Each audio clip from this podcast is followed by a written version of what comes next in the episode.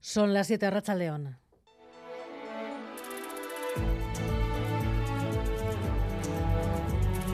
Gambara con Arancha García. Parece que estamos en un giro en el conflicto de la OSI de Donostialdea. Los jefes médicos críticos comienzan a ver señales esperanzadoras en el gobierno vasco. Así lo han descrito de momento. Suspenden las concentraciones en el Hospital Donostia al menos hasta el viernes para ver si se concreta esa voluntad de diálogo. Es más, el portavoz de los médicos ha dado la razón al Endacari cuando ayer cuestionaba que todos los hospitales deban contar con todas las especialidades. Tiene razón, somos un país de dos millones de habitantes, no todo el mundo puede tener todo el hospital en la puerta de casa.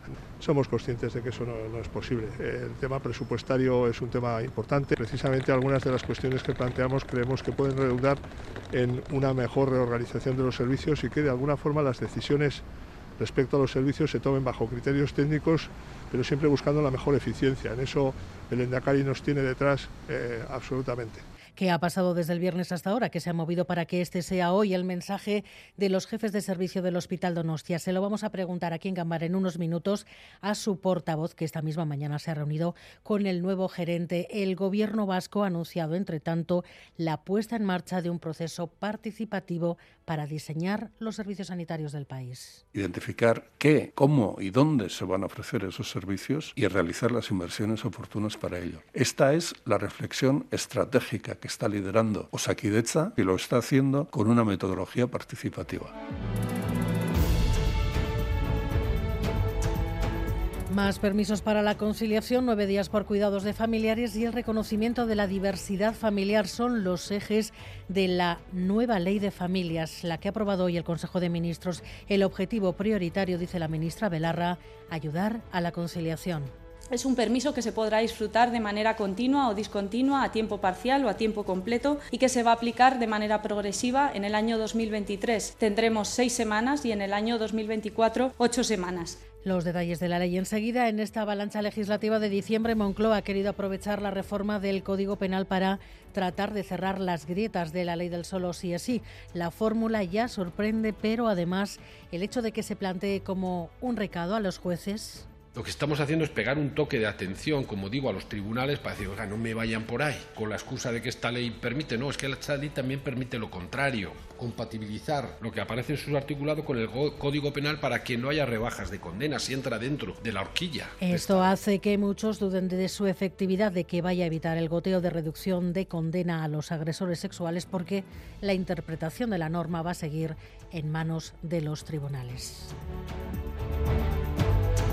Puede ser la noticia de las noticias que se haya dado el primer paso hacia una fuente de energía inagotable, es lo que hoy al menos se ha presentado en un laboratorio federal estadounidense, el último avance en torno a la fusión nuclear. Han conseguido por primera vez más energía de la que se consume en este, en este eh, experimento. Es un logro histórico, se lo hemos preguntado a dos expertos pero desde luego si el ser humano consigue tener digamos la fusión controlada de una forma permanente y continua eh, sería desde luego eh, digamos romper con el paradigma energético que tenemos actualmente para conseguir los 2 megajulios de luz ultravioleta se han gastado como 300 megajulios de energía en alimentar el láser, ¿no? O sea que todavía estamos lejos de una ganancia podríamos llamar energética desde el punto de vista industrial. Pues parece que estamos en el primero de los primeros pasos. El Grupo Mondragón, entre tanto, se vuelca con la idea de reforzar la fuerza de la corporación a tres días de las asambleas de Ulma y Orona,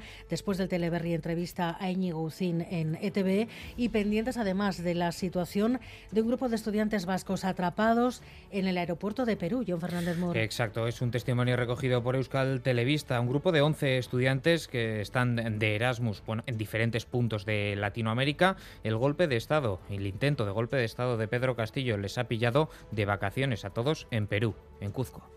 Atzo dano junto ginen gabaz ba, afaltzeko eta pur bat ba, eztabaidatzeko zelan erun aurrera kontu hau. Eta ikusita ba, bideak eta dana itzite dauzela, e, erabaki gendun, bueno, egin ginen berba kontsulatuaz eta kon, e, gomendatu oskuen lehenbailen amendik urtetako. Se pusieron en contacto con el consulado, buscaron billetes para salir esta misma tarde, pero al ir al aeropuerto, antes de ir de hecho, no pueden salir. Benero, siguen duzan e, gaur arratzalderako vueloak, baina justo gaur e, Kuskoko aireportua itxien da, eta ez da bizbuloak urtetan, eta momentu honetan ba, gauz e, hori zazpi hostal baten eta bestiek beste baten, e, gauz e, amen euskal. A la espera, por tanto, con paciencia ante esta situación, en estas protestas en las que ya han fallecido varias personas. Pues seguiremos pendientes de la evolución de este caso de los deportes. Alberto Negro, a León. A León, en apenas 55 minutos se va a disputar la primera semifinal del Campeonato del Mundo de Fútbol. Argentina y Croacia se van a enfrentar en busca de un hueco en la final del Mundial de Qatar. Osasuna, por su parte, ha disputado su segundo amistoso de esta pretemporada. Los rojillos se han impuesto por 3 a 0 al conjunto francés del Brest. Por cierto, Juan Cruz ha renovado hasta 2026 con la entidad osasunista con 15 millones de euros de cláusula de rescisión. Y además ha comenzado la primer, el primer partido de la cuarta jornada del campeonato de mano parejas. En el frontón Ederrena de Urrecho se están enfrentando Jaca y Aranguren a Altuna y Tolosa. Vencen los primeros por 8 a 4.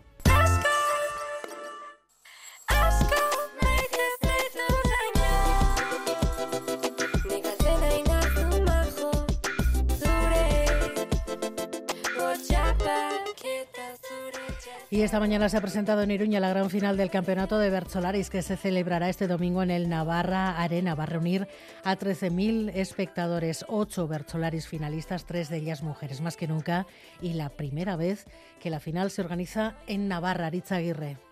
Una final que desbordará el Navarra Arena de la ilusión que se ha vivido durante estos tres meses de competición, expectación ante el gran nivel de los Bercholaris y al mismo tiempo ganas de fiesta. La actual Chapeldún, Mayalen Lujambio, que defenderá el título, le da valor e importancia a que la final sea en Iruña y haya más finalistas mujeres que nunca. finalek beti izaten dute, baina tengoak baditula esangura nahi bada fuerte batzuk, asteko iruñan izatea finala, eta bestetik dudari gabe lehenengo aldiz hiru emakumezko hariko geralako kantuan, eta uste dut horrek esangura politiko handia daukala. Desde Berchozale Elkartea, Gonza Lagote destaca que la final representará la pluralidad y la evolución que vive el bertsolarismo en todas las plazas. Azaren errealitatearen eta nistasunaren isla izaten ari dela aurtengo txapelketa. Bai bertxokeran, bai gaien helduelekuetan, bai ertzak bilatzeko maneretan, bai bide berritzaileak urratzean, ekarpenak egiteko aleginean, gaitegian eta norberaren begirada lantzean. Entre los ocho finalistas, dos que ya saben lo que es ganar la chapela, Mayalen Lujambio y Amet Arzayus, tres que la han acariciado, Aitor Mendy, Lucé, Sustray Colina y Beñat Gastelumendi, y tres que se estrenan en la gran final, Nerea Ibarzabal, Alaya Martín y el único navarro, Joanes Illarregui, que espera abstraerse del foco mediático para dar su mejor nivel y disfrutar.